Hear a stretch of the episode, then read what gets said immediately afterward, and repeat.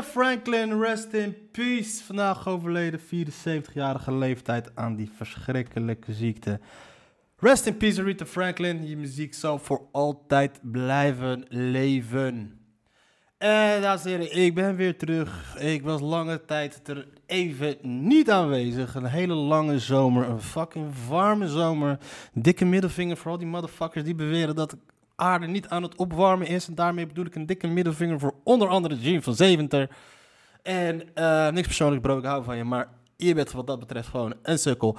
Maar ehm, het was een lange zomer, man. Eh, Verschrikkelijk warm, slecht slapen. Ik trek die shit niet. Maar gelukkig, gelukkig zie ik al dat het steeds meer begint te regenen. En dat mensen minder blij worden buiten. En dan word ik als depresso word ik weer een stukje vrolijker van. En het was verder een, een, een zomer met wat ups, maar een hoop downs. Maar die shit bespaar ik jullie allemaal. Het begon lekker. En ik het Marokkaanse elftal achterna gegaan in, in Rusland. Dat was geweldig. Los van het resultaat, maar het was geweldig. Moskou is een geweldige stad. Rusland is een geweldig land. En eh 2 euro vodka, lied, geloof je bent gewoon drie dagen weg. En, eh, en los van die fucking shit. Cristiano Ronaldo weer met zijn lucky goal, doelpunt. Maar dat is Cristiano Ronaldo. Laatste minuut tegen Spanje ook weer. Maar het was lachen, man. Het was echt geweldig. Moskou, fucking aanrader. Mooier dan Parijs. en eh, verder, verder, verder fucking veel comedy geschreven. Ik heb zo'n zin in een nieuw seizoen. Weet je, en ehm, ik heb. ehm, ik als openmaker heb zo'n zin om weer een jaar lang lekker open mics te doen als openmaker. Wie weet dat ik ooit net zo goed ga worden als al die andere motherfuckers. Met hun hele fucking vette, coole, coole com- comedy collectieven. En eh, wat heb ik meer? Ik heb fucking veel comedy geschreven. En ehm, ik heb mijn huis eindelijk een keer wat beter opgeruimd. En eh, even her en der even een relletje veroorzaakt door wat, door wat sukkels op hun plek te zetten. En voor de rest was het eh, redelijk wat kommer en kwel, maar eh, dat hoort erbij. Man, hoe meer pijn, hoe beter, hoe beter de verhalen worden die je te vertellen hebt. Maar die shit bespaar ik jullie. En ehm, Oh ja, natuurlijk. Ik heb ook nog wat podcasts opgenomen voor mijn Barre Show. Mijn gasten, man. Erik van Sauers en Martijn Oosterhuis.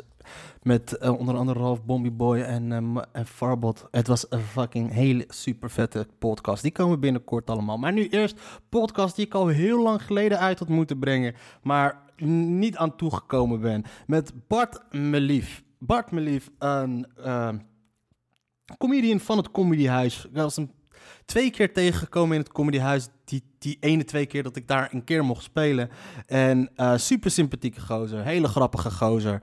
En eh, contact gelegd via Facebook. En het leek hem tof om een keer langskomen. Hij durfde niet alleen, dus nam hij zijn vriendin mee, Imke. Eh, en Imke is een actrice. Speelt in, wat theaterproducties. En her en wat films. En dat, daar gaan jullie haar zelf zo meteen over horen. En eh, mijn excuses aan Bart en, en Mieke dat het zo lang heeft moeten duren. Maar hier uiteindelijk is hij dan de podcast met Bart en Imke. Iedereen, enjoy. Vergeet niet te like, subscribe, subscribe, dat soort shit allemaal. En eh, peace out, keep it positive en eh, keep on trolling. Fuck yeah. That boy was crazy. And he got a lot of people hurt.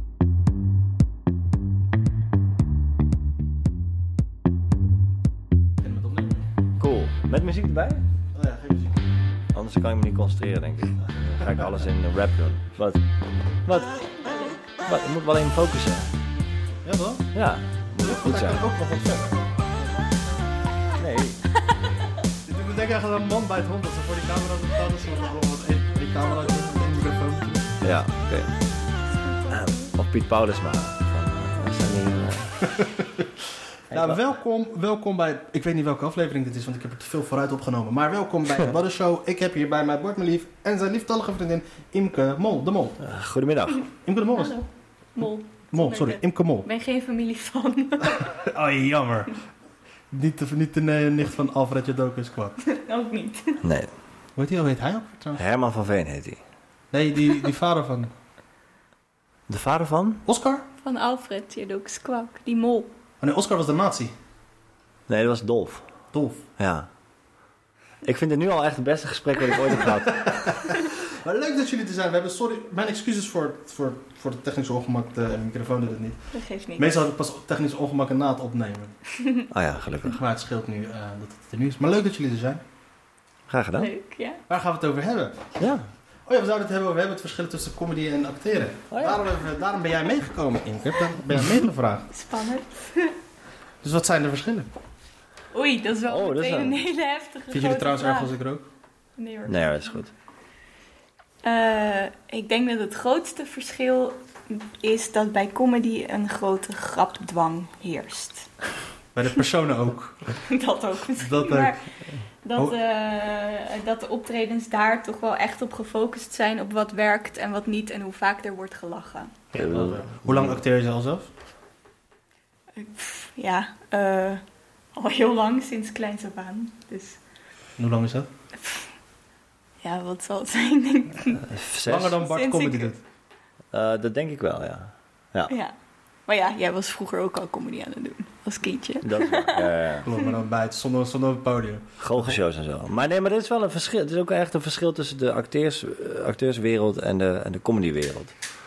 Vrij groot verschil. Als je ziet, ik, vind, ik denk dat acteurs over het algemeen, zeg maar, psychisch misschien net zo labiel zijn als comedians. Ja? Alleen ze werken wat harder. Ze zijn wat, Ja. ze zijn wat meer gestructureerd over het algemeen. Ehm, Dus jij bent... en er is iets meer discipline in het oefenen. Acteurs wel, zijn wel getraind om zich beter voor te bereiden dan, dan de meeste comedians, denk ik. Ja? Maar ik denk dat het, dat het eh, voor mij, ik denk voor acteren is... Maar wat denk je dat het zelf moeilijker is? Ja, ik denk, jullie- jullie vinden mekaars vak natuurlijk veel moeilijker, omdat je dat daar niet Ja. mee bezig bent. Sowieso. Want ik vind het, want het lijkt mij aan ten eerste, waarom ik comedy nu al heel erg moeilijk vind, vind ik, is het om in mijzelf te graven, echt om zo heel erg mezelf te zijn. Maar aan de andere kant lijkt het mij verdomd moeilijk om als je een personage zo goed mogelijk wilt gaan eh, spelen, dan moet je je echt in, letterlijk misschien een figuurlijk zelfs in die huid kruipen van die persoon, toch? Letterlijk in de huid kruipen van iemand anders. Ja, Want ik, ik, ik, ik, ik las laatst een boek, eh, het ging over Da- Daniel Day-Lewis, over toen hij zich eh, voor die rol van eh, Lincoln ging Aha. voorbereiden. Ja, Dat hij zich dus ehm, volgens mij een half jaar lang liet aanspreken als Mr. President. oh, dat, is, dat is nog kort voor zijn doen. Die gast, die gast is echt helemaal gek. Ja, Ja. en volgens mij is het ook zo'n eh, zo'n rol van acteur dat hij, ik weet niet welke film dat is, dat hij een acteur speelt die in een, die in een rol zit. Ja, My Left Foot is dat. Ja, dat doet hij ook. Ja. Speelt hij een gehandicapte en op een gegeven moment had hij, eh, eh, moest hij met, met, met zijn, eh, zijn manager moet hij een gesprek voeren. En hij blijft gewoon in character gedurende de hele opnames. En die manager wilde een serieus gesprek met hem voeren. En hij speelt dus inderdaad een, iemand die, die zwaar gehandicapt is. En hij weigerde, om uit die, hij weigerde om uit die rol te komen. En ze zat gewoon in zijn rol. Zo, en die gaat zo, doe even normaal, ik wil met je praten. en Zo. Nee. Nee, Nee, dat doet hij gewoon niet. Maar dat, dat is wel een held. En Hij dat is een goed voorbeeld. Hij Is is wel super Is dat discipline of is dat krank, een soort van krankzinnigheid? Is dat gewoon... Beide. Een giftige combinatie van die twee. Ik denk het ook. Dat is toch, best- hoe, doe, hoe, doe, hoe doe jij dat? Heb, heb jij dat... Probeer jij dat ook? Gaat het nou alleen maar over haar? Nou, Ja, ze zei dat ze er niet zoveel van zeggen, dus dan gaan we expres veel vragen. Oh ja, dat is goed. nee, Ja. zo, zo heftig eh, eh, doe ik dat niet. Hij gaat wel, hij leeft echt zijn hele leven dan als dat personage. En dat doe ik niet, maar ik besteed er wel heel veel tijd aan. Met analyseren en plaatjes zoeken om je fantasie... eh, Ja, films kijken en ja, precies. Ja. ja. Dat lijkt mij verdomd moeilijk om... Ik heb mezelf nog eens uitgevolgd, laat staan als ik dan iemand... maar jij zei net, van, van, bij, bij comedy moet je jezelf uitpeuren en bij acteerwerk eh, dat van iemand anders. Maar om iemand, iemand anders in te leven, kom je ook heel erg jezelf tegen, volgens mij. ja, heel hard. Ja, maar je, kunt, je kunt niet, zeg maar, je, je moet je, wat jij altijd zegt, je moet je eh, leren identificeren met een eh, personage. En je moet dat personage ook verdedigen. Ten, op, Ja. ten opzichte van het publiek. Je, moet, je, je bent die persoon. Dus die, over het algemeen zijn mensen, eh, ja, die zijn het eens met, met zichzelf of bepaalde Met mate. Ze doen. Of, Of met ze doen, of ze hebben daar een reden voor in ieder geval. Eh, dus je moet een bepaalde empathie voelen voor een personage. Ook als dat een heel onsympathiek personage is, toch? ja, dat klopt. Dan heb ik dat goed gezegd. Ja, dat is Nee, het dat- werk wat je moet doen. Geloof dat is het moeilijkste om te spelen. Onsympathie- een onsympathieke persoon sympathie krijgen. Dat weet ik niet. Eh, ja, of je hem sympathiek moet krijgen voor hoe mensen er naar kijken, dat weet ik niet. Maar voor jezelf wel. Ik denk dat je wel echt moet snappen waarom je dingen doet en dat niet zelf heel onsympathiek vinden. Ja, precies. Want het is dus hetzelfde als dat bijvoorbeeld eh, als je dan gaat kijken naar figuren als eh, eh, Tony Soprano. Iedereen is gek op die gozer, althans als je de Ja. serie hebt gekeken. Ja. Het is gewoon een fucking moordenaar. Ja? Ja. Wel een gezellige moordenaar. Dat was wel. Dat ding- Wat- wat- wat- eh, Ik heb zelf bijvoorbeeld met stand-up comedy betreft dat, dat omdat ik mij heel de tijd in het begin altijd best wel ongemakkelijk voelde op het podium altijd. En dat ik bij mezelf, moet ik acteerlessen gaan volgen, ja of nee? Zou dat helpen? Sommige mensen hebben het daar. Maar Ehm, Denk ja, nou ja, ik denk als je, de, als je de grote jongens kijkt, dat zijn allemaal best wel goede, goede acteurs. Ik zie Richard Pryor aan de muur hangen. Ehm, hoe hij ze, zijn, zijn, zijn type, zijn karakters uitspeelt, dat is, ja, nou, dat is gewoon goed acteerwerk. Ik denk dat het nooit kwaad kan. Ja, precies. Ik denk zelf dat het misschien dat, dat, dat, eh, wat ik dan wel jammer vind, althans ik denk dat het dat ten koste gaat van, van, van je eigen persona, denk ik dan.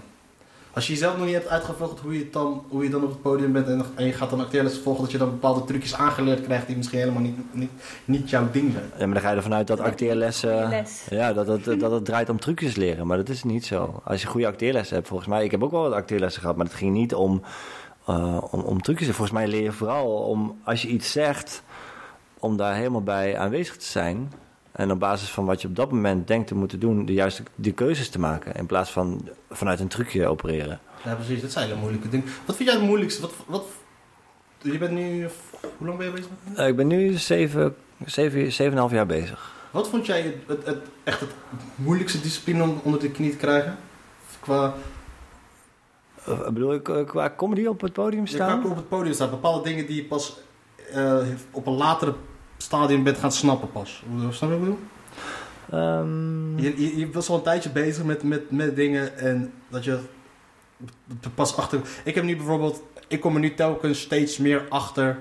eh, begin ik steeds meer te snappen wat ik niet snap. Ja, oké, je wordt bewust onbekwaam, zeg maar. Ja, misschien Ja. dat je daardoor dan... eh, wa- wa- wat voor dingen vond jij het meest moeilijke om...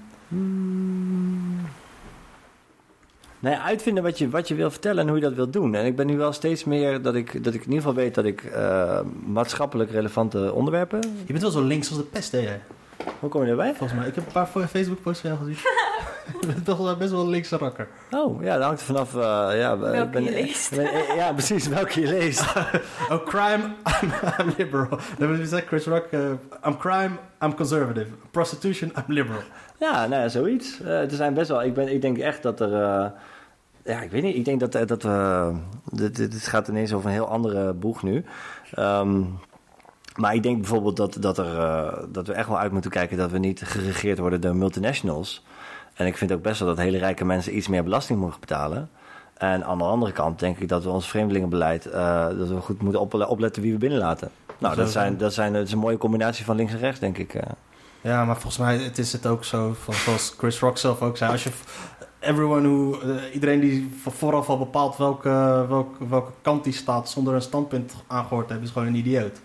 Ja, toch? Als je, ja, je, het hele links en rechts is denk ik een beetje ouderwets. Maar je vroeg inderdaad, wat, eh, wat, eh, wat ik moeilijk vond, is dat ik inderdaad...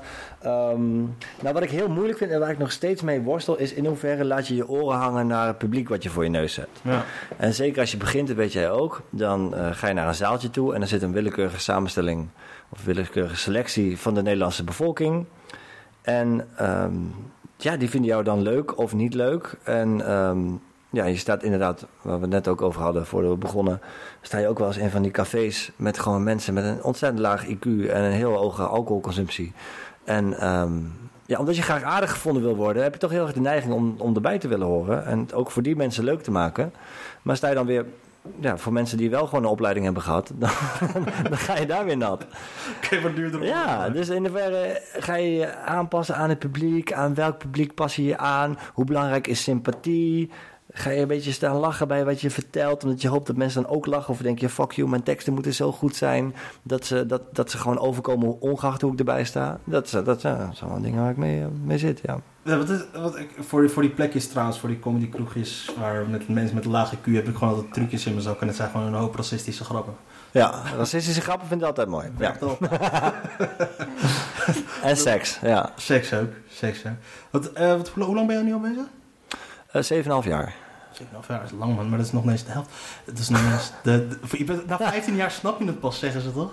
Ah, ik, hoorde, ik hoorde tien jaar, daar hoop ik op. Want ik, ik zit wel een beetje op mijn tandvlees nu. Ik moet wel binnen nu een 2,5 jaar eh, doorbreken, anders word ik gek. Heb je het gevoel dat je tegen bepaalde dingen aanloopt dan? Ehm, nou, bepaalde dingen aanlopen niet. Maar ik zou het wel leuk vinden om... Dat, dat je een keer zo... Dat je zegt... hey, goedenavond mensen. En dat mensen al van tevoren weten wie je bent... omdat ze voor jou zijn gekomen. Dat scheelt nou. Dat is wel een, eh, een, een, fase waar ik naar uitkijk. En die ik eh, nou, wel een paar keer heb meegemaakt... maar nog niet, eh, die nog niet heel erg aan de hand is, zeg maar. Maar hoe moet je daar komen? Festivals, toch? Hoe moet je daar komen? Ja, ja, precies. Of nou goed, kijk naar de mensen die er wel gekomen zijn. Inderdaad, festivals is één, één weg. Of inderdaad een, een podcast. Podcast. Echt, ja, ja, ja. Komen.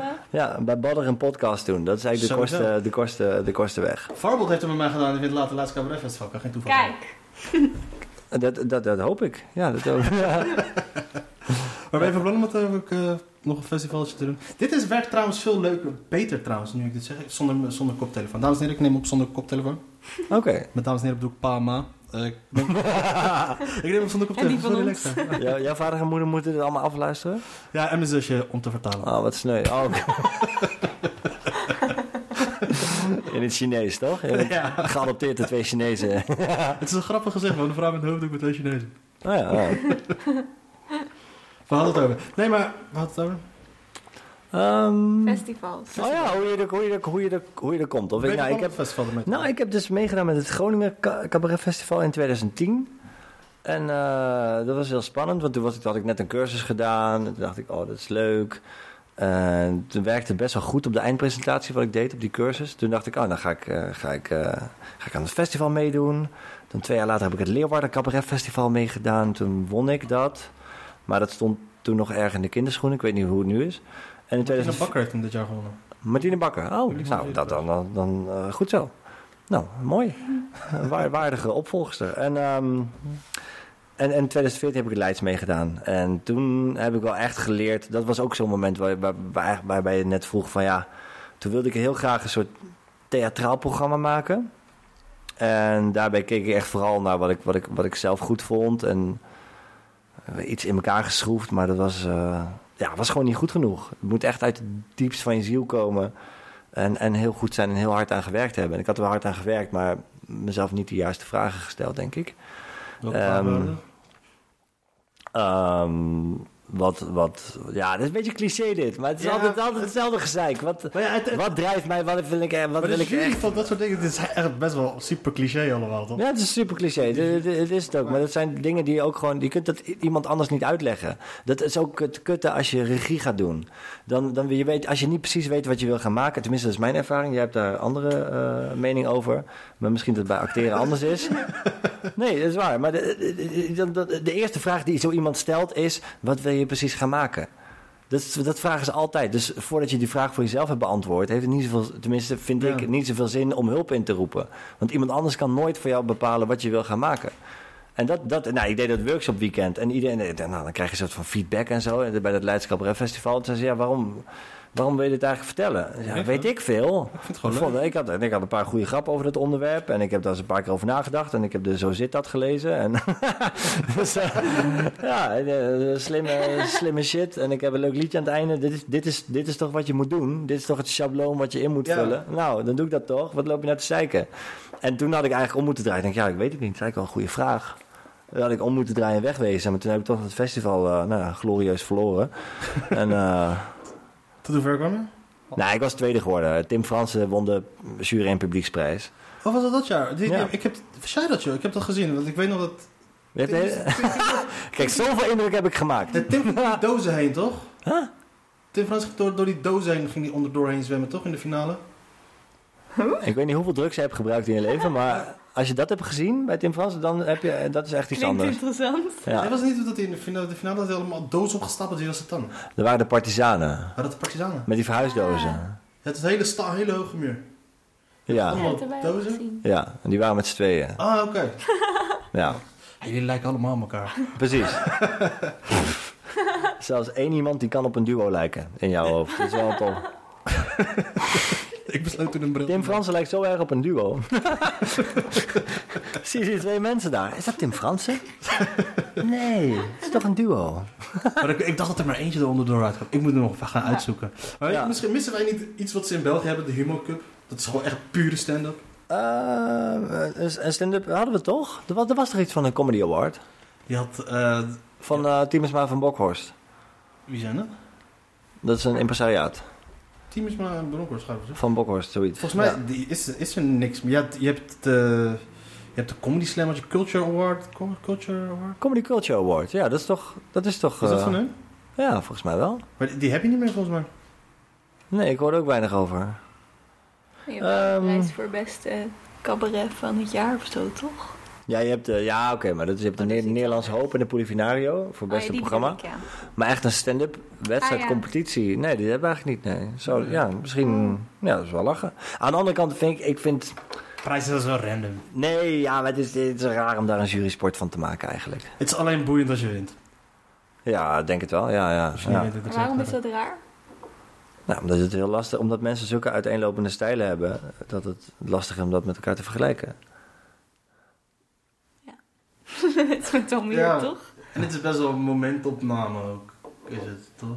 Ja. Ik heb, ik heb zelf een paar wedstrijden, ik heb nooit meer gegaan. Na Utrecht, ik heb één keer met, eh, een paar keer met de wedstrijd meegedaan. En toen ik, de doel is altijd dan de finale halen. En heb ik één keer de finale gehaald, dan ik dacht, weet je wat, ik doe dit nooit meer. Nee, hoezo? Ik weet het niet man, ik vind het, eh, ik vind het echt heel vrij, vrij... eh, Vind je het spannend? Ja, het is, ik, ik was op een gegeven moment eh, alleen maar bezig, ja, ik, ik nam het nog niet zo serieus. Dus ik dacht, wat interesseert me eigenlijk helemaal geen enkele reet. Ik Oh. van, waarom ga ik er... Het, het moment dat ik er naartoe werk, daar ben je wel met toe naartoe aan het werken. Maar het moment dat je daar bent, denk je van, oké, dit is gewoon een normale avond.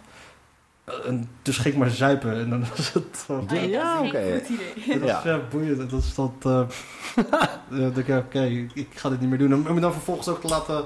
Ik had het meest dat ik bijvoorbeeld in Utrecht dat ik echt de meest. Daar had ik al, was ik al afgekikt van, van wedstrijden eigenlijk. Weet je dat het. eh, en ik wil die mensen van Comedy House niet afkraken of zo, maar daar was het echt wel echt al vooraf al een soort van bepaald wie er zou gaan winnen. Bij het Comedyhuis? Ja, Oh. en eh, stonden we uiteindelijk in de halve finale, waardoor de jury zei van, joh, luister eens, eh, we hebben, om te gaan kijken wie er door zou gaan, hebben we gekeken naar wat past in het totale programma van het festival. De winnaar van, de, van, het, west- van die wedstrijd zou ook meedoen met het festival. Oh ja. En daarin pasten bepaalde profielen passen daar dus niet in.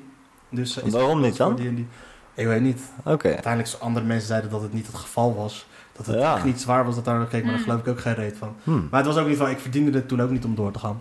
Ah, Oké, dat Maar is wel. vond- Misschien had je daarmee kunnen beginnen. Ja, maar ik dacht dat eigenlijk van ja, die, het is vrij random allemaal, die, die dingen. ja. Behalve als je wint, is het wel, is het wel interessant. Ja, dat is vaak zo. Dan kun je dit op je cv zetten. Bij je, bij je foto zetten. Ja. heb, je, heb je theaterwereldwedstrijden? Je hebt eh, de prijs, of nee, geen wedstrijden, maar wel prijzen voor de beste rollen van het jaar. Gouden de kalf beste. Ja, Gouden Kalf is dan voor film, maar je hebt ook voor theater, de Theodor en de Louis Door Naar bijvoorbeeld. wie is die vernoemd? Theodor, denk ik. Nee, door is van goud, lieverd. Ja, ik weet het niet. Het was een grapje. Oh, de. Gouden Theo. Nee, ik weet het niet waar die, naar wie ze zijn vernoemd. Maar echt, eh, oh, bij SBS 6 gaan ze nu een wedstrijd doen. Nee, SBS is... Oh nee, serieus? Ja, Talpa. Talpa SBS 6, de acteertalentenwedstrijd. So you think you can act of something? Ja, Zo- zoiets. zoiets. Ja. Gadverdamme. Ja. Ja. Dat is echt... SBS 6 is echt... Als ik... SBS 6 is gewoon echt een reden voor mij... Als, als, als ik echt dacht dat SBS 6 Nederland was, dan zou ik gewoon niet willen integreren. Nee, SBS 6 is een beetje de camping van Nederland. of Zo. Het is, het is gewoon fucking... Naast een riool, ja. Want eh, al die talentwedstrijden... Kan jij iemand herinneren die het, van de talent, talent, al die talentwedstrijden... Ik bedoel, hoeveel voices zijn er al Uh, geweest? Jamai. Idols 1, ja, Idols daar 1, ken ik ja. iedereen nog van. That's it, maar voor de rest Ja. er zijn 88 van die producties geweest. Dawn Sanders, weet ik. Maar Die zit in ik- de bias, heb ik gelezen ergens. Oh, dat zal best. Dean Sanders. Dienst, weet ik veel. Band, Ben Sanders. Ben Sanders? Oh, met die tattoos. met de tattoos. Ja. Ja, Ja, die had, eh, Ben, en dus allebei zitten ze in de bias trouwens. Ben en Dean. echt waar? Ze hebben iemand een team zich gedaan. Apart van elkaar. Ze hebben, dat was al, Oh. Dezelfde, nee. nee, die ene heeft de ene, ene dag iemand besloten in elkaar te rammen. En toen heeft hij... Great minds beat alike. Ja. Dus ja. Dus eh, nee, maar dat, dat, nee, maar dat volg ik ook verder niet echt. Nee, wees blij man. Wees Ja. blij. Nee, maar zo'n wedstrijd kan wel helpen om je ergens in de krant te krijgen. Ja. Dat je zegt, hé, hey, kijk, dit, eh, dit is een nieuw iemand en eh, ga daar naar kijken. Dat is wel goed. En dus je moet er toch een soort van kwaliteitskeurmerk hebben. Want je hebt in Nederland, geloof ik, elk jaar heb je 400 kleinkunstpremières. Ehm, dus en dan, daarna, daaronder zit nog een hele grote, grote pool aan mensen die het allemaal willen en kunnen. Dus op zich snap ik wel dat ze op een gegeven moment een soort etiketteermachine hebben om te zeggen van nou, dit, dit, eh, dit is op een bepaald moment door bepaalde mensen goed gevonden. Precies. Want die Stefano Keizers bijvoorbeeld, ik had nooit van die gozer gehoord. Eh, ja, wij wel, want ik heb een beetje research gedaan. En eh, ja, ja, ja, precies, die krijgt een aandacht. En dan ga je Is even zo'n naam googlen en dan denk je, oké, nou, zo'n type, nou De hele leuk. zaal vol, alle zalen vol. Ik krijg vijf sterren bij de Volkskrant. Niet dat het belangrijk is of zo, maar die... Echt waar? Leuk. Oh, tof. Ja. Dat is wel alle, omdat hij zich als een idioot heeft gedragen op televisie. Ik, ik, ik vind Ja? het wel grappig Was hij, was hij, of was hij, ja, was- Die zat bij de slimste mensen. Hij zat bij de slimste mensen. Oh, Daar was hij ja. dus echt op een gegeven moment Ja, super booming geworden. Oh ja, ja ik, heb, eh, ik, heb, ik heb wel een paar interviews van hem gezien.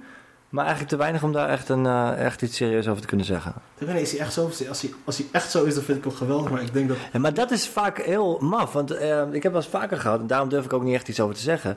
Dat je, dat je iemand ziet op het podium, denk je ja, maar je doet een typetje. Erik van Zouwers vind ik, vind ik een goed voorbeeld.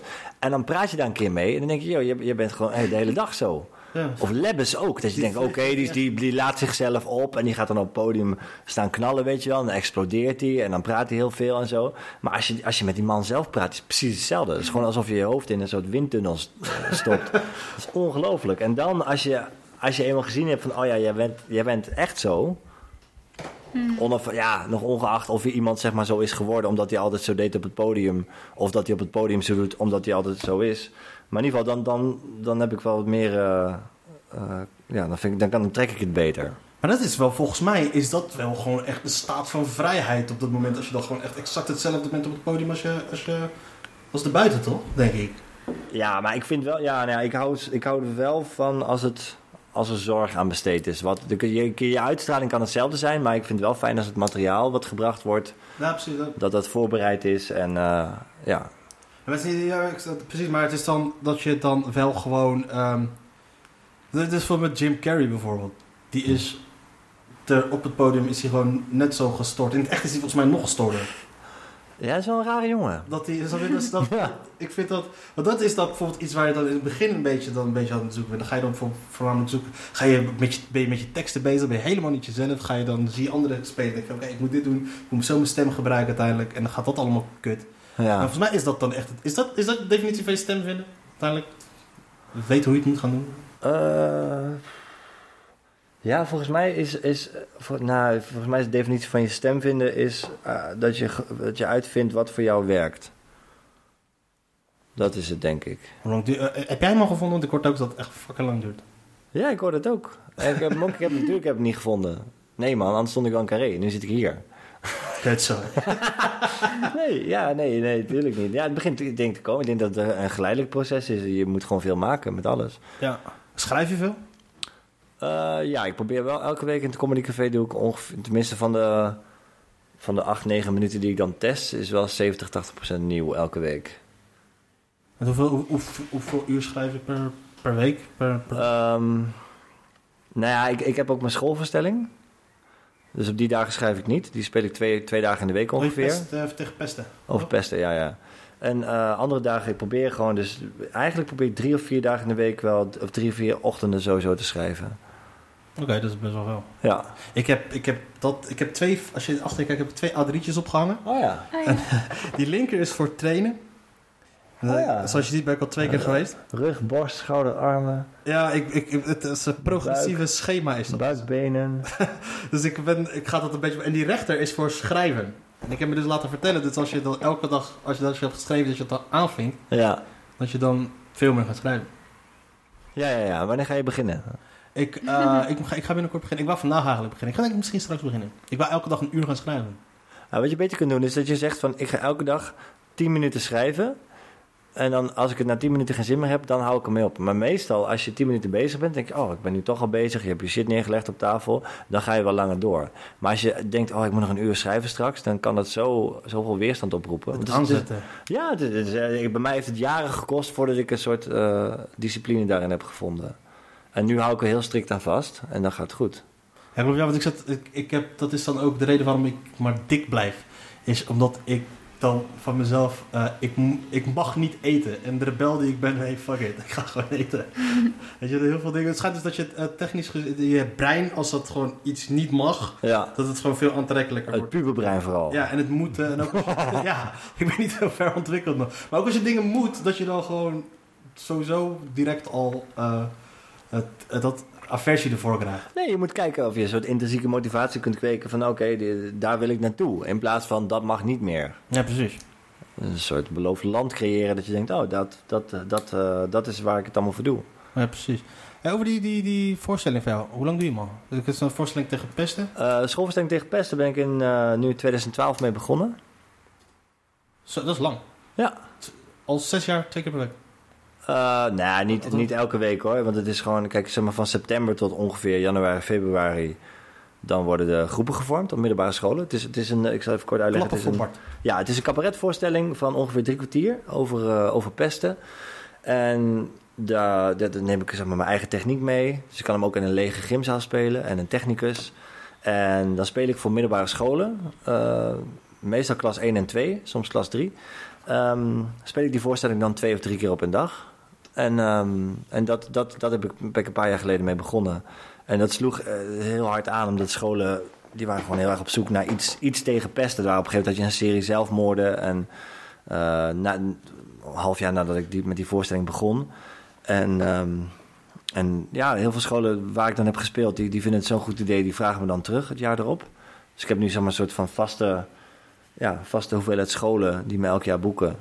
Ehm, en dan heb je dus inderdaad, eh, voor zo'n middelbare schoolklas, moet je je voorstellen, heb je aan het begin van het jaar heb je heel erg toch die groepsvorming. Ja.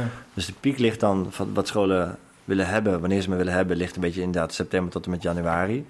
En nu, eh, ja, ik speel het deze maand, even kijken, is is dat juni? Nee, ik heb hem in mei één keer gespeeld en in juni één keer en in juli één keer. En dan dat is helemaal, helemaal rustig, zeg maar. Oh, Oké, Ja. gaan vragen. Ga, gaat besteden scholen mm, steeds beter aandacht aan pesten? Ja, ja, ja. Ja, is- ja zeker met die zelfmoord van Tim Ribberink. Het was ook in 2012, 2013. Het was een jongen die, die was al van school af, maar die heeft eh, vanwege zijn pestverleden uiteindelijk zelfmoord gepleegd. En toen was er nog een ander meisje dat voor de trein was gesprongen bij Meppel. En dat was wel een soort wake-up call, denk ik, voor heel veel scholen. Van wow, er is echt iets aan de hand. Eh, we moeten er echt iets mee doen. Wat ook terecht is, want ik denk als je gewoon, als je erover nadenkt, hè, dat je, dat je, als stel jij zou naar een universiteit gaan en je zou een sociaal experiment aanvragen waarbij je 30 leerlingen gewoon verder zonder heel veel coaching de hele dag met elkaar in een groep laat zitten, dan zou iedereen je voor gek verklaren. En dat is dat, dat precies wat, eh, wat we op scholen doen. Ja. Het is gewoon een jungle, weet je wel. Hier zit in een groep van 30 man, succes de hele dag. En natuurlijk zijn er alle, iedereen, iedereen wil overleven. Iedereen, eh, natuurlijk krijg je, als, je, als, je als daar spanningen in zijn en iedereen brengt zijn eigen kutjeugd mee, dat dan op een gegeven moment bepaalde groepen ontstaan die anderen gaan domineren. Klopt, Ja. die, die rollen, alle rollen die bij het groep Ja, ja, horen, die krijg je er allemaal bij. Precies, ik denk dat dat vrij menselijk is. Dus je moet daar met een soort van teambuilding, moet je dat voor proberen te zijn. En wat ik probeer met die schoolverstelling, is, is niet zozeer een soort van totaaloplossing. Het is niet dat ik zeg van, eh, joh, als, ik, eh, als je mij boekt, dan eh, heb je daarna nooit meer last van pesten. Maar wat wel heel goed werkt, is een soort normstelling. Hè, dus ze horen, horen het van, eh, van hun ouders, horen van een, van, een, eh, van, een, van docenten op school. En ik kom langs en ik, ik ben zelf heel erg gepest. En da- daar heb ik mijn verhaal om, om, om, op, op gebouwd. Dus ik ben zeg maar de ervaringsdeskundige die komt vertellen van... eh hey, dat doet superveel pijn. En ik denk dat het ook voor, een hoop kinderen gewoon ook scheelt. Dat ze gewoon het besef krijgen van waar ze mee bezig zijn. Nou, Dat is de bedoeling. Maar dat is, dat is toch heel lastig, omdat bij ja, die leeftijd... eh, dat ve- ze sociopaat zijn of zo. ja, nou, dat wil ik ook niet zeggen, maar het is wel, de empathie is gewoon minder. Ja, dat is nog niet echt ontwikkeld. Maar hoe zit het, waar, waar dan krijg je dan ook nog de social media erbij? Ja. Dat is volgens mij ook, eh, dat is eh, de zesde zintuig als het ware voor qua pest. Ja. Dat is gewoon, Ja. En dat, dat valt niet te controleren volgens mij. Ja, het is een totale amplifier. Ja, maar ja, het voordeel van WhatsApp is wel, zeker op de lagere niveaus, die gaan als snoeihard pesten en die roepen van alles. Maar die vergeten dat hun naam en telefoonnummer gewoon erbij staat. Dus ze kunnen daar gewoon printscreens van maken en op school laten zien. Maar Het het, probleem ja, is, kinderen die gepest worden, die durven niet zo snel naar, naar anderen toe te stappen. Nee, klopt. Angst dat, ze, dat het nog erger wordt. ja, precies. Dus daarom zeg ik ook in mijn voorstelling van, joh, je moet, als je gepest wordt, moet je ook zelf wat doen. Ja. Het is ook jouw verantwoordelijkheid om uiteindelijk zelf aan de bel te trekken. Want dat durfde ik zelf vroeger nooit. Ik dacht vroeger van ja, ja dit, is, dit, is- dit, is- dit is gewoon de jungle. En eh, als ik het niet overleef, ja, ik moet het zelf maar doen. Want als ik iets zeg, dan wordt het erger. Ja. Dus ik probeer heel erg gewoon iedereen te activeren van als je, als je iets ziet, doe er iets mee, ga naar je docent. Eh, want het, ja, het stopt, stopt niet vanzelf. Ja, klopt. Wat, wat, wat- was het twee, drie jaar geleden of zo? Dat de jongen zelf maar dat gepleegd had dat ze naaktfoto's van hem op het dorp? Ja, volgens mij wel. Ja. ja. Sick, maar kinderen zijn gemeen. Ja, maar ook naïef. Want er zijn heel veel meisjes, of ook jongens die dan gewoon... Er wordt dan gevraagd door een vriendje van... Hé, hey, eh, naaktfoto van jezelf. En die appen dat. En die beseffen niet dat zo'n relatie... Dat ze pas twee weken een relatie hebben. En dat die volgende week misschien uit is. En dat er dan een soort wraakactie dat uh, rondgeappt wordt de hele klas. En dat wat je zei, social media zorgt er echt voor dat er een soort van olievlek-effecten kan zijn. En dat kan ook naar andere klassen en naar andere scholen. En voor je het weet ben je gewoon, uh, ben je gewoon de clown van de hele stad als je niet oppast. Dat is levensgevaarlijk. Klopt. Heb je die laatste show van Chris Rock gezien? Um, nee, ik heb een stukje gekeken, maar ik, ik, ik weet niet. Boeide me, ja, ik weet niet of dit hardop mag zeggen op internet, maar ik, ik, ik, ik, vond die niet heel spannend. Ja, ik had, ik, ik, heb, ik had hem live gezien in het Ziggo en ik had hem hier ook gezien. Die had één stuk, die vond ik best wel, die was best wel grappig. En dat was over dat, uh, dat we kinderen gepest moeten laten worden. Want zodat ze een beetje weerstand krijgen. Oh ja. Dat als ze later wat ouder zijn, Ja. dat ze weten hoe ze ermee om moeten gaan. Ja, En- dat is, een, dat, is, dat is een eh, psychologische theorie die al volgens mij vrij lang geleden onderuit gehaald is. En hij gebruikte het dan eh, als, als, eh, als argument, luister eens. Toen Donald Trump iedereen aan het pesten was, wisten ze totaal niet hoe ze met hem om moesten gaan. En nu is hij president van Amerika. Ah, dat is wel een goeie. Ja. Goed, hij, had het in de context, hij ging naar zo'n uh, ging naar zo'n superblanke rijke school, ging hij naartoe, bracht hij zijn kinderen en hadden ze hem verteld over. Nou ja, we hebben hier een hele goede anti-pest eh, anti-pest eh, anti-pestprogramma. Toen zei hij, weet je wat, die- mijn kinderen gaan hier niet Ah, leert hij, en hij leert zijn kinderen zo aan, luister eens, buiten de deur, nobody gives a fuck about you. ja. Er zijn een hoop boze blanken die allemaal wat aan willen doen. Ja, dat is leuk. maar, eh, wat ik eigenlijk nog vragen, man? Ken je dat irritant als je nog vraagt? Want ik- tijdens jouw verhaal had ik een vraag, maar die is die gewoon... ja, ja, het was een hele goede vraag, denk ik. Het was echt een hele goede vraag. Het was een hele goede vraag. Nee, het ging over, eh, eh, over het programma. Hoe lang ga je het programma nog doen eigenlijk? Want, want- is hoe schrijf je voor op zo'n programma eigenlijk? Is, is het echt comedy? Is het een mix van... Nee, het is een, vrij- het is een vrij klassiek cabaretprogramma met een verhaal, een midden en een eind en een paar liedjes. Wat dat betreft wel, maar het is het, is, het werkt. instrumenten? Ja, een gitaar. Oké. Er zitten drie liedjes in. En, eh, maar het werkt heel goed omdat het mijn eigen verhaal is. Dus dat, is dat sowieso. Dingen die jij hebt meegemaakt die... Ja, ja, ja. Autobiografisch eh, verhaal. Ja. En die heb ik erin verwerkt. En natuurlijk wel op een theatrale manier. Ehm, en ik ben er ooit mee begonnen omdat ik, ik, ik speelde... Ik had het, ehm, het Groningen Studenten Cabaret Festival. Had ik de persoonlijkheidsprijs gewonnen. En toen... toen op een gegeven moment, eh, had ik, daarvoor had ik een cursus gevolgd bij iemand. En die zei van ja, ik heb een schoolvoorstelling. En wil je in, in, een schoolvoorstelling komen spelen? En het was een, een schoolvoorstelling over met geld omgaan. Die heette Uitverkocht. En dat heb ik toen gedaan. En toen, ze hadden ook een voorstelling over pesten, maar die liep niet zo goed. En op een gegeven moment kwamen we op het idee van... joh, ik, ik, ik, heb, ik, heb dat, ik heb dat verhaal, ik heb dat meegemaakt. Dus ik kan dat misschien ook wel doen. Zal ik eens een voorstelling maken? En dat heb ik heel, heel, heel, heel professioneel, of tenminste heel goed aangepakt. Vind ik zelf nogal. Of tenminste heel veel tijd aan besteed om dat te doen. En doordat ik dus twee jaar lang die andere voorstelling had gespeeld... had ik een heel goed beeld van wat werkt bij een bepaalde doelgroep. Hè, 13, 14-jarigen en, en wat niet. En... En toen had ik echt allemaal ideeën eigenlijk over van... oh ja, als ik ooit iets zelf maak, dan, dan zou ik het zo en zo en zo aanpakken. En dan vervolgens, ja, dan ga je wat testen... en dan, eh, ja, dan hou je uiteindelijk... je blijft schaven. Elk Ja. jaar doe ik weer nieuwe elementen erin. Krijg je ook wel eens dan terugkoppelingen van de scholen dat ze zeggen dat iets heeft, dat het heeft ge- geholpen, dat het heeft gewerkt? Ja, heel veel. Ja, dat is ook de reden waarom we heel vaak mogen terugkomen. Maar komen er bijvoorbeeld, dat, dat lijkt me dan bijvoorbeeld het meeste. Dus dat er bijvoorbeeld kinderen na die voorstelling naar je toe komen. Die Ja. worden die dan iets vragen van hoe ze- dat, Ja, dat gebeurt heel vaak. Dat, eh, dat echt, nou ja, je moet niet weten hoeveel gesprekken ik heb gevoerd met huilende kinderen achteraf. En eh, ja, en ik ben op een gegeven moment ben ik iemand tegengekomen een keer in Utrecht. En die, die had elf jaar bij de kindertelefoon gewerkt. En daar heb ik toen ook een soort van training bij gevolgd om hoe ik dat goed moet doen. Want iemand komt aan en zegt van ja, luister, mijn leven is één grote hel en ik wil dood. En dan heb je een kwartier naar de rand hè, om, om met zo iemand te praten. En ik had altijd het gevoel van ja, ja na een kwartier zeg ik oké, nou ja, succes ermee verder. Je zou maar net in je sarcastische comedy mind mode zitten dat moment. En je zegt net iets fucking verkeerd. Nee, dat gebeurt nooit. Ja, ik weet Nee. niet ja, of je zou... Nee, dit als, als een kind, als een, kind, als een kind huilen naar je toe komt, dan is, het- dan is er geen sarcastische comedy mode. Dan Nee, is- is- ik heb het dus ook zelf meegemaakt, hè. ik weet wel Ja, hoe het precies. is. Nou, misschien ja, zo geweest comedy omdat het uit zelfmechanisme, ik weet niet, ja, ik weet niet wat ik zeg, maar... Is dat echt zo? iemand naar je toe kwam die zei van, ik, ik wil er een eind aan maken? Ja, ja, ja, en het is gepest en niemand helpt mij en op de school sturen ze me steeds weg en eh, niemand interesseert het wat. En ik word steeds opnieuw gepakt. En ook van kinderen van een andere school. En eh, mijn vader, tenminste, dat, dat zeggen ze dan tegen mij. Van ja, mijn pa is een paar jaar geleden eh, overleden aan kanker. En toen hebben ze een Facebookpagina aangemaakt op, de, op zijn sterfdag. En hadden ze namens mij gezegd dat ik daar blij mee was. Gewoon dat soort shit is aan het gebeuren nu. Wauw. Ja, dat is gewoon helemaal ziek. Kids zijn helemaal gek. Ik zeg niet dat dat in elke klas gebeurt, Nee, maar dat, is, dat gebeurt wel. Kijk, en ik speel voor 100 leerlingen per keer. Dus er zit altijd één of twee of drie leerlingen tussen, minstens.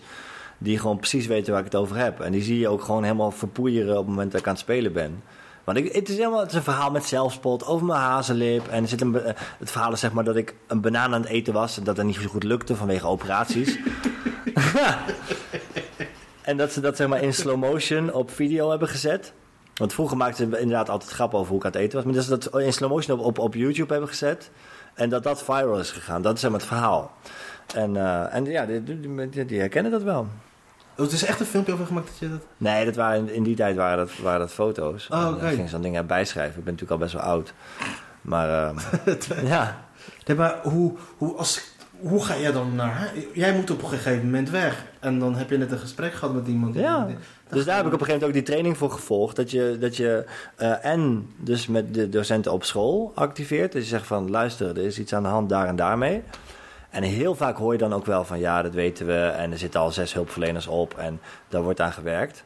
En dat je zo iemand, eh, wat ik heel erg benadruk, is dat ik het heel knap vind dat diegene dat doet. Dat hij eigenlijk al zegt van ja, maar er zijn heel veel kinderen die dit ook hebben. En die durven niet naar mij toe te komen. Dus dat is, dat is heel goed hoe je, hoe je bezig bent. Ehm, dat ik dat ook heb meegemaakt en dat het leven beter wordt na je middelbare en basisschool. Wat ook echt zo is. Eh, Mijn, ik vond, ja, nu kan ik gewoon doen wat ik wil. Gewoon doen wat ik wil. En, en, en met mensen, met, alleen met mensen omgaan die ik zelf leuk vind. Hoe tof is dat? Ja, dat is Dat probeer ik echt uit te leggen. Dat je meer regie krijgt over je leven als je ouder wordt. En ik, en ik heb gewoon een, een lijst met, met websites. En eh, bijvoorbeeld eh, Pestweb is heel goed. Dan kun je, kun je anoniem kun je chatten en zo. Dus je echt heel van, oké, als er dit gebeurt... kun je daar en daar en daar en daar en daar en daar heen. Dit is niet end of the line. En dat ze mij ook altijd kunnen mailen als er nog wat is. En soms gebeurt dat ook, maar... Wat, wat, kunnen wat, kunnen, wat moeten scholen eigenlijk doen? Kunnen ze, dus, had gezegd, wat kunnen scholen doen? Wat kunnen Ja, scholen, wat kunnen er is wel Wat een- moeten ze doen? Wat moeten ze doen? Is, eh, er is een eh, Kiva heet dat. Dat, is, eh, dat komt ergens uit Scandinavië, volgens mij Zweden. Hebben ze een, ehm, een, een pestprogramma ontwikkeld. Hebben ze helemaal wetenschappelijk onderzocht. En wat het beste schijnt te werken is eh, preventief. Dus preventief teambuilding. Op het moment dat de groep gevormd wordt, eh, aan de slag met, eh met eh, rollen spelen. Waarbij je empathie aankweekt. Dus dat je, dat je heel erg duidelijk maakt dat iedereen eh, de lul zou kunnen zijn. Dat iedereen even gevoeld heeft hoe het is Ja. om bijvoorbeeld uitgelachen te worden of, of, of zeg maar genegeerd te worden. Ehm, hoe het is om andere mensen te helpen. Dat je dat intraint. Dat schijnt heel goed te werken. En dus zeg maar niet wachten tot er iets aan de hand is. Niet wachten tot er een pester en een meeloper en een dader of een eh, slachtoffer is. Maar gewoon al bij voorbaat eh, heel duidelijk erin rammen bij iedereen. Dat, dat iedereen verantwoordelijk is voor de sfeer in de klas. Ja. Dat werkt het goed, beste. En als het, als het wel zo is, eh, als er wel al gepest is, eigenlijk hetzelfde. Ook weer duidelijk maken, iedereen, iedereen, met iedereen in gesprek gaan. Dat iedereen verantwoordelijk is eh, voor wat er gebeurt. Dat zag je, ja, dat zie je ook bij geschiedenislessen, toch? In de oorlog, waarom is het zo uit de hand gelopen? Ja, omdat er gewoon 95% met zijn handen in zijn zakken naar stond te kijken. Ja. We hebben niet gewust. Ja, Maar hoe zit het, het de, de, de, de, oude, oude, de ouders, want toen krijg je ouders dan niet de signalen mee? Want als jij dan, want heeft de school het recht bijvoorbeeld om het pestkop weg te sturen? Ja, ja, ja, ja, ja, natuurlijk. Nee, oké, dat, dat, dat dus. En daarna moet je in een gesprek gaan. En in gesprek gaan met de ouders en met de pestkop. En dan, ja, dat hangt een beetje van het beleid van de school af. Maar je kunt op een gegeven moment wel, als het niet stopt, kun je, natuurlijk kun je schorsen. En op een gegeven moment kun je iemand wegsturen, ja. Dan merk je ook een verschil tussen, tussen, tussen type scholen. Is, wordt, Ja, heel erg. Gebeurt het vaker op de... Want ik heb bij mij op school, er werd niet echt veel gepest. Nee? Oh, mooi. Of Ik- denk je? Of was jij het zelf? Nee, ik, was, ik, ik, was, ik was wel zwaar irritant. Tuurlijk. Ik was, wel aan ik was wel aan het irriteren, maar ik, niet, pesten, ik kan me niet echt herinneren dat er eh, mensen gepest werden. Althans niet in mijn klas. Oké, maar het wordt ook niet overal. Ik heb, ja, ehm, ten eerste verschilt de sfeer op scholen heel erg. Want ik speel echt in Amsterdam-Noord voor HAVO-VWO en in Klasina Veen op VMBO 3. Dus echt Het is een hele, hele andere dimensie. Mensen in Nederland denken, nou, we zijn één land. Maar als je twee uur in de auto zit, is het een totaal andere wereld.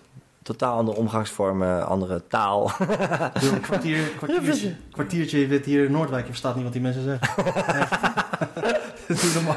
Ja, en dat ten eerste. En ten tweede inderdaad, ja, eh, denk ik vooral het niveau. Dat de, de lage niveaus, dat zeggen ze altijd, die gaan veel directer erop. Is het open, is het bam, even, even erop slaan, even schreeuwen en daarna wel weer goed. En bij de hogere niveaus wat meer eh, onderhuids. Die zijn gemener. Ja, die weten gewoon beter hoe ze dat moeten verbergen. Dat gaat subtieler. Gaat met dingetjes waar je net niks van kunt zeggen. Eh, negeren bijvoorbeeld. Negeren is echt kut. Gerrit, dat deed, dat deed mijn vader altijd bij mij. En dan Oh. ga je, dus ga je door de grond. Ja, dat is, ja, dat is vervelend. Als je Ja. aan het kloten was. Ja, je de grond. kunt ook niet verplichten van, joh, nu moet je met hem gaan praten. Dus die hogere niveaus zijn, zijn wat geraffineerder, ja. En maar dat, neemt het ook af met, met onderbouw, bovenbouw? Neemt het dan af? Ja, bij mij ook hoor. Na de derde klas was het wel minder. Omdat ja, iedereen gaat dan een beetje meer zijn eigen ding doen. En dan, wordt- dan wordt het ook wat meer achteraf en roddelen en zo. Maar dan wordt direct en openlijk pesten wordt, eh, wordt over het algemeen wat, als wat kinderachtig gezien. Als het goed is, maar ook niet altijd. Ja, sta je daar, sta je daar, je, nee, nee, nee, nee, nee. Ja, ja, precies. Ja. Dat is een beetje bizar. Het dat, en, en als je dat, het schrijven en het spelen, heeft het uiteindelijk, heb, heb je het uiteindelijk verwerkt? Of heb je van de momenten dat, dat het dan wel eens terugkomt? Over de pesten. Ja. Ehm, Door, door, door te spelen, door het, schrijven, het uit het spelen en dat soort dingen, dat, het helpt mij. Nee, het is meer dat ik het wel verwerkt had. En dat ik, het, dat ik daarna die voorstelling ben gaan maken. Het is niet... Nou, wel... Ja, nee. En soms doet het nog wel eens pijn. Als ik dan inderdaad... Als er mensen huilen naar me toe komen, naar de rand... en die vertellen heel gedetailleerd en concreet wat er aan de hand is... dan denk ik, wauw. Ja, ik, dit, dit weet ik. eh, hoe dit voelt. Ja. Sick man. Ik, het, eh, ik zou niet weten als ik. Ik heb mijn neefjes en dat soort dingen. Maar als die mensen zouden gaan pesten en zo. Dat zou gewoon echt.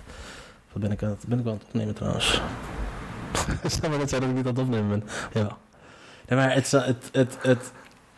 Maar wat, wat, wat zou. Wat, wat, ik bedoel, ik kan me niet voorstellen waarom. een ehm, die, die pesters bijvoorbeeld, wat, wat voor soort thuissituaties komen die? Ja, dat is heel vaak het, het sneu ook. Dat mensen die heel erg pesten over het algemeen... eh, of zelf heel erg gepest zijn op de basisschool...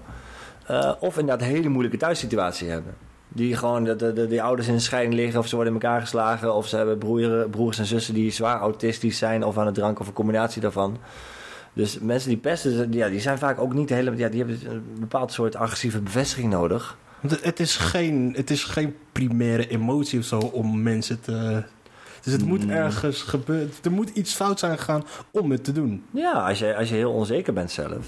En je hebt die- niet een soort van basiszekerheid van thuis meegekregen. En, ehm, en je bent bang om, om ondergesneeuwd te raken. En je, dus het kan ook een schreeuw, schreeuw naar aandacht zijn en bevestiging. Ja. Dus vaak, vaak is het met die pesten eh, minstens net zoveel mis als met het slachtoffer. Slachtoffers ook. En het, het, het versterkt elkaar ook. Als je eenmaal slachtoffer bent, daarom reageerde ik net over Chris Rock, wat je zei. Van dat je zegt van ja, als je mensen maar pest, dan worden ze weerbaar. Maar over het algemeen, dat, is, dat schijnt helemaal niet zo te zijn. Als je iemand pest, eh, stel, stel je hebt twee mensen. Eén iemand is nooit gepest en iemand, iemand is heel vaak gepest. Dan zou je denken, oh ja, diegene die heel vaak gepest is, die heeft daar ervaring mee. Die weet hoe je daarmee om moet gaan en zo. Ehm, misschien na heel veel jaren en heel veel zelf. Maar in, in, in de basis, meeste mensen... Als je nooit gepest bent en er gebeurt iets of iemand duwt tegen je aan... Ja. Oké, wat is dit? Doe even relaxed, oké, eh, bla bla. Die, die gaat niet meteen denken, oh shit, daar gaan we weer. Iemand die gepest wordt, die schiet in de kramp... Die zakt in elkaar en die andere, degene die hem pest, die denkt... Oh, wacht even, die kan ik wel hebben. Ja, maar ik denk dat hij dat, dat in principe. eh, er is een wereld van verschil. Hij neemt wel echt het uiterste. Dat je Ja, ja, ja. tegenwint, tegen- dat, dat je het gewoon tegenslag krijgt of eh, eh, gewoon gepest worden. Weet je, dat je. Ja, maar bij tegenslag is dat ook wel hoor. Als je al een paar keer... eh, Stel, je hebt eh, heel veel mensen in je leven verloren. Ik weet niet of het dan makkelijker wordt om, om de volgende te verliezen. Volgens mij niet. Volgens mij is het... Het verwerkingsproces eh, wordt dan getriggerd van... Oh shit, dit was zo kut de vorige keer, daar gaan we weer. Ja. In plaats van... Oh, dit is een nieuwe situatie, kijken hoe ik hiermee omga. Ja, het is meer dan. Ik denk dat het, in, die, de context van die grap was het eigenlijk meer dat je een situatie hebt waarin je moet invechten. En dat ver- vertaalt hij dan naar pest hebt toe. Ja, ja. als je ge- opgegroeid eh, als, je, als jongste van vijf broers, waar je moet knokken. Oh je? ja, ja, op zo'n manier. Weet je, ja, in zo, ik denk dat in die context dan. Ja, ja, Chris Rock is natuurlijk veel, veel, veel te geniaal om door mij geanalyseerd te worden. Daar ben ik wel, ben ik wel mee eens. Maar wat staat er nog voor jou allemaal te wachten op het comedygebied? Eh, wat, wat, wat, wat is de planning? Wat is de... Ehm, wat, er, wat er staat te wachten? Ja, wat, wat, wat, wat, wat, wat, het seizoen is bijna afgelopen. Ben je tevreden over het seizoen trouwens? Wat hè? Ben je tevreden over dit seizoen trouwens? Ehm, nou, ik heb, een soort, ik heb een soort dingetje met repeteren thuis. Dat, eh, dat vind ik heel moeilijk. En ik, ik, sch- ik schrijf elke week nieuw materiaal. En eh, dat oefen ik dan ook wel. En ik ken het wel uit mijn hoofd. Soms moet ik mijn briefje pakken, zeg maar, bij het testen. Hè, in het Comedy Ja. Café, elke woensdag. Ehm, en nu af en toe lukt het wel om, eh, om te oefenen. Ehm, tevreden over het seizoen? Ja, ik heb best wel, best wel veel, veel nieuwe grappen geschreven die wel go- goed werkten. En als ik dan soms open je wel eens zo'n document en denk ik, oh ja, wacht even, over dit onderwerp had ik al iets geschreven. En dan ga je eh, terugkijken naar een jaar geleden en dan zie je wat ik nog meer heb geschreven op diezelfde dag. En dan denk ik, oh wacht even, ik ben wel vooruit gegaan ten opzichte van een jaar geleden. Ja. Toch? Jij bent, jij bent zijn eerste judge. Ik hoor de grappen wel vaak als eerste, denk ik. Ja. Ja. Ben, je, ben je kritisch, heel kritisch tegen hem? Of? Denk Nee, jij bent altijd heel lief. Oh, liefkriet. Maar Ja, ja. je bent wel goed lachs en zo. ja, dat wel. Makkelijk publiek. Ja, maar ook wel, Oh? ook wel fan van censuur. Oh, oké. Dat is ook wel Ik ben van... wel streng als het om eh, Ja, vrouwenvriendelijke Ja? of racistische dingen gaat. ja, ik mag niet racistisch en niet eh misogyn. Dat mag allemaal niet. Maar ook niet als het... eh, ja, trouwens, ik heb een trucje voor je. Ik zag Wou- Wouter Monde, die had een berichtje gepost op...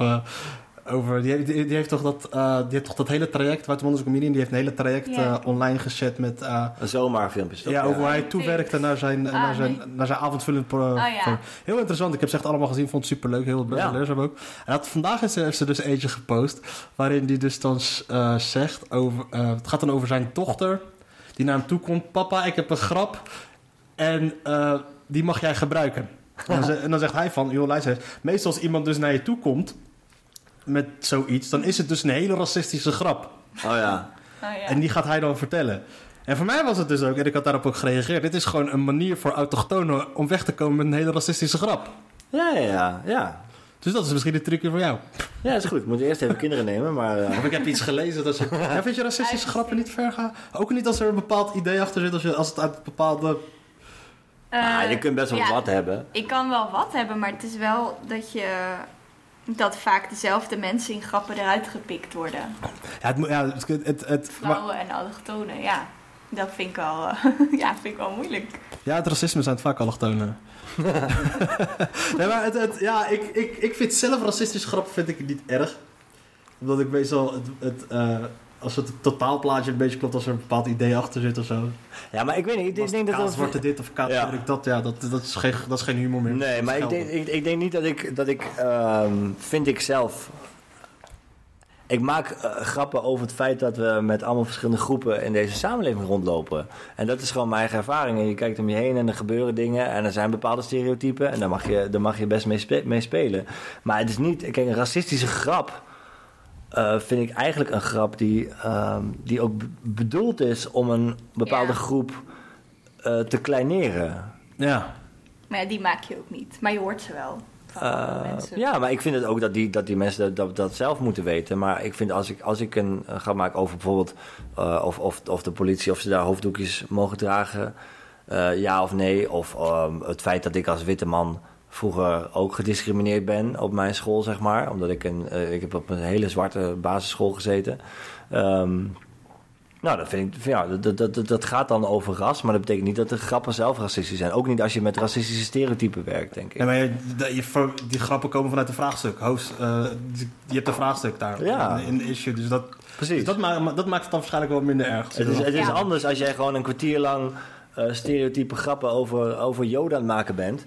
Ehm, dan, wanneer je het hebt over, eh, weet ik veel, de, de, de, de, het Ja. feit dat ze die muren hebben neergeknald of wat dan ook. Een vrouwenvriendelijke grap. Ja, je hebt een vriendin. Dus dat is het, dan, ben je minder, dan heb je minder frustratie met vrouwen. Of misschien juist wel.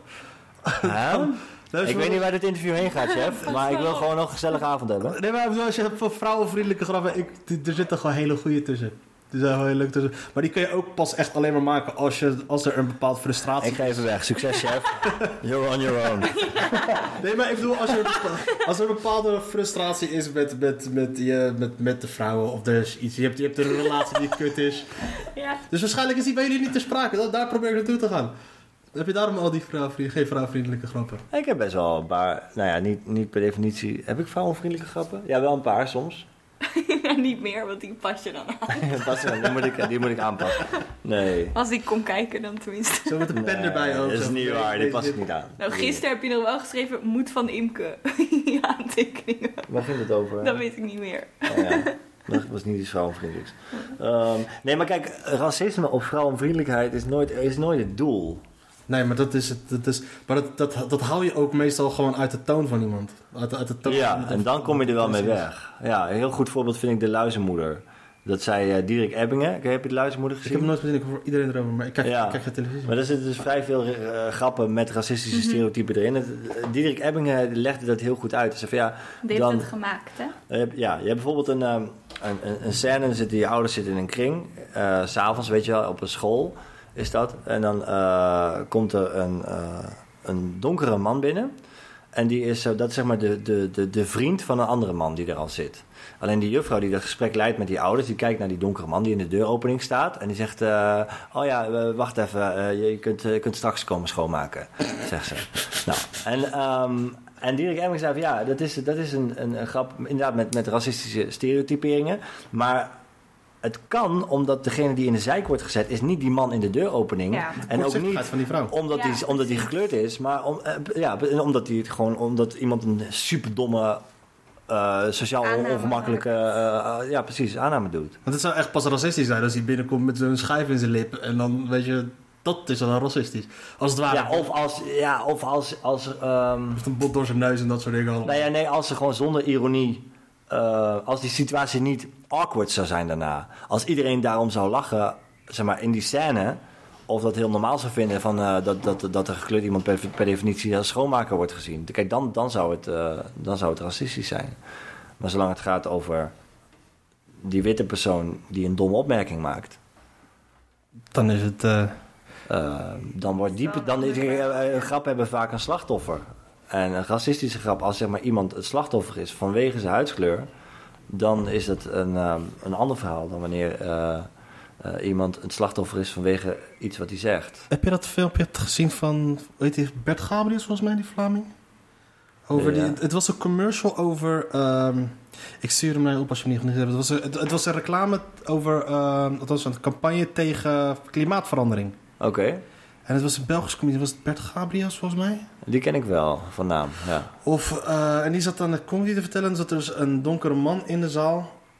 En die was gevlucht. En die ging daar de hele tijd op in. En de mensen in de zaal, volgens mij... Ik weet niet of mensen het weten dat het een campagne was. Mensen gingen gewoon lachen om hoe dit... Ik moet hem naar je toesturen. Maar het leek op eerste instantie racistisch. Maar dat was Ja? het dus niet. Oké, Maar ik weet niet waar ik naartoe ga met, we gaan met dit verhaal. wij zijn ook benieuwd. Oké, maar dus, ja, dus dit seizoen was je dus... Je repeteerde ging niet goed. Volgend seizoen ga je beter repeteren. Eh, ja, ja, nee, ik heb, ik, heb, ik, heb, ik, heb, ik heb goed geschreven. Ja. Dat is, eh, weet je wat? Het, het, het, eh, ehm, je hebt op, YouTube heb je een filmpje staan van, eh, van hoe Dave Chappelle repeteert. ja? Dat is fucking geniaal. Hij loopt dus gewoon een comedyclub binnen. En ehm, dan gaat hij daar staan. En heeft hij allemaal onderwerpen in zijn hoofd. Dan heeft hij vier schrijvers in de zaal staan. Heeft hij vier schrijvers in de zaal zitten. Huh? En hij gaat daar gewoon drie uur en drie kwartier gaat hij gewoon slap ouwe hoeren. En alles wat er met hem opkomt, ouwe hoeren met de mensen. Wordt opgenomen, hij is aan het zuipen. En die mensen, die, die, die comedi- comedianvrienden van hem, die noteren alle shit wat, Zo. waaraan gewerkt kan worden. En dan gaat hij weer verder. Echt waar? Ja, dat is fucking geniaal. En eh, Wauw, ja, zoveel budget heb ik niet. eh. ja, weet je, hij deed dit in de comedy store, deed hij dit. Ja. En, eh, en, en het verhaal daarachter was, dat had ik gehoord op Joe Rogan. Ehm ken je die Roastmaster General? Hoe heet die? Jeff Ross? Ja, van naam. Sorry, ik ben heel slecht ingevoerd. Ja, Jeff Ross in ieder geval is een hele grote comedian in Amerika. Die zou die avond dus de eh, open mic afsluiten daar bij die dingen. Toen kwam Dave Chappelle binnen en zei, nee, jij gaat niet spelen, ik ga spelen. en Ja, toen is hij daar gezeten. Ik zie dat filmpje op drie uur, drie kwartier heb ik naar zitten kijken. Zo. En het publiek bleef zitten ook gedurende al die tijd. Sommige mensen gingen gewoon opstaan omdat ze hun laatste metro niet konden pakken. Hij ging sushi bestellen tijdens dat eh, tijdens het, eh, eten. Hij zat te roken op het podium. En je mag nergens roken in New York volgens mij. Ja, En eh, de zuipen en dat soort shit zat hij gewoon slap. Ik heb twee keer gekeken of zo, die hele drie uur, drie kwartier. En, en dan uiteindelijk later heb ik de, al die dingen, heb ik dan, sommige dingen heb ik dan teruggezien in die Netflix specials van hem. ja, was echt goed dan?